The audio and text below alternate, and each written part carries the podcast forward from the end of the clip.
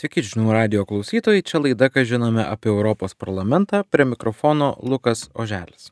Per praėjusią savaitę vykusią Europos vadovų tarybą išgirdome vieną gerą naujieną ir vieną blogą naujieną.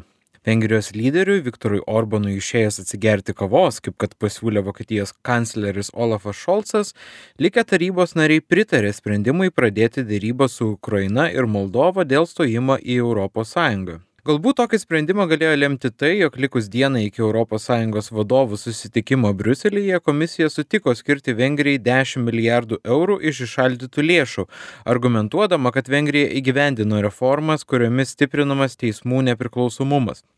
Visgi jau po kelių valandų džiaugsmą apkartino Vengrijos sprendimas blokuoti 50 milijardų paramą Ukrainai.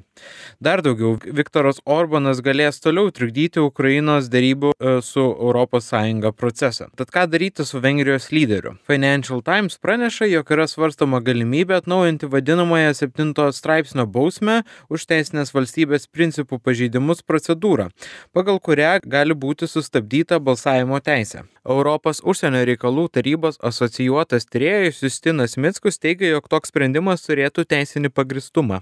Teisiškai visiškai pagris, pagrystinas, jeigu ne pagristas, bet tikrai manau, kad, kaip sakyti, suformuoti pagrindimą, kodėl uh, procedūras pagal 7 straipsnį šiuo metu jau galima taikyti, tikrai būtų įmanoma. Ir jeigu būtų kažkokie tolesni apeliacijos procesai, manau, kad uh, nutikėtina, kad uh, esant pakankamam politiniui palaikymui straipsnio taikymo, tai ir, kaip sakyti, ir, ir, ir teisiniai, teisinės išvados, net ir po apeliacijų būtų, kaip sakyti, tinkamos. Ką noriu pasakyti, tai kad ir šituo atveju manau, kad jeigu sprendimas būtų priimtas, o jis būtų priimtas tik tai esant politiniam sutarimui tarp visų likusių, visų straipsnį aktyvuojančių valstybių narių, manau, kad didelių kontroversijų tenai iš sistemos, ES sistemos nebeišeis. Visgi pagrindinis iššūkis priimant tokį sprendimą, pasak Justino Mitskaus, yra rasti politinį sutarimą tarp likusių valstybių. Turbūt yra dvi priežastys nenoro eiti į tokią konfrontaciją. Viena vertus tai yra tam tikrų valstybių narių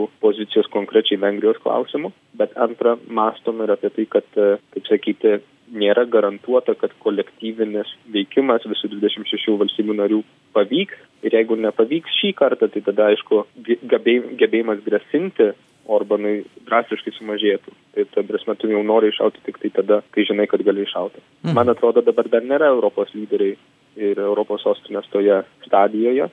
Ir, kaip sakyti, už tai manęs nestebina, kad kol kas atrodo viskas eina tokio nu, neveiksnumo ir tokio, nu, kaip sakyti, alternatyvų ieškojimo būdu. Tačiau gerai, kad, man atrodo, visiškai naujame rimtumo lygyje yra diskusijos apie 7 straipsnio um, aktyvavimą, nes manau, kad tai, kaip jau sakiau, teisiškai argumentų rastume, politiškai jie tikrai atstovėtų. Jeigu likusios ES valstybės nesiryš panaudoti 7 straipsnio prieš Vengriją, viena iš galimybių įtikinti Viktorą Orbaną nebeblokuoti sprendimų yra likusių šaldytų lėšų pervedimas Vengrijai. Be to, Justino Mitskaus teigimu, pagrindinės ES valstybės, tokios kaip Prancūzija ir Vokietija, gali naudoti ekonominio spaudimo priemonės. Paklaustas, ar ES pakanka svertų paveikti sprendimus stabdančias bendrijos narės, Justinas Mickus atsakė, jog problema neteisiniuose mechanizmuose.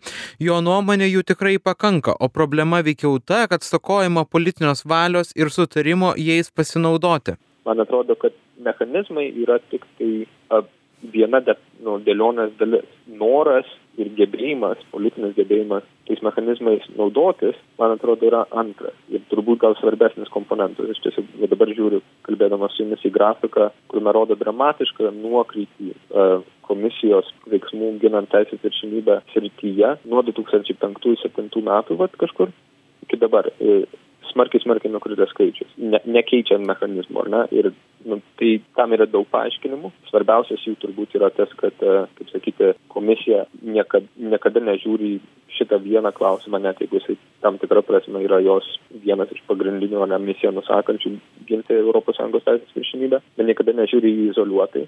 Ir matė, kad tas aktyvumas, kuris buvo stebimas uh, šio amžiaus pradžioje, sulaukė didžiulio politinio nepritarimo iš pagrindinių sostinių, bet ir apskritai iš valstybių šalių narių. Ir, ir kaip sakyti, ir susilpino komisijos įtaką ir gebėjimą vesti visą platesnę politinę darbo tvarkę. Politikos analitikas akcentuoja, jog ES efektyvumas visada priklauso nuo skirtingų vyriausybių sutarimo. ES yra visą laiką buvo ir greičiausiai ilgą laiką dar bus tarp vyriausybinė institucija, kurios valstybių narių norėjimas kooperuoti su Europos komisija esmiškai nusako, kiek ta komisija gali pasiekti savo politinės darbo atvarkės. Komisija nėra atskaitinga žmonėms, todėl net jeigu žmonės tiesiog nėra atskaitinga žmonėms, tai todėl net jeigu teoriškai ES piliečiai labai palaiko teisės viršinybę ir mes matom, kad palaiko, na ir kaip bendrasis vertybės palaiko, um, jinai neturi tokios stiprių paskatų ginti tą sritį. Jos pirmieji pagrindiniai stakeholderiai yra valstybės narės, lyderiai. Visgi Justinas Mitskus tikina, jog nepaisant Viktoro Orbano veto, ES turi būdų, kaip perduoti finansinę paramą Ukrainai. Tačiau šie sprendimai pareikalaus daugiau laiko. Tiek šiandienos laidoje, ką žinome apie Europos parlamentą, likite su žinių radiju.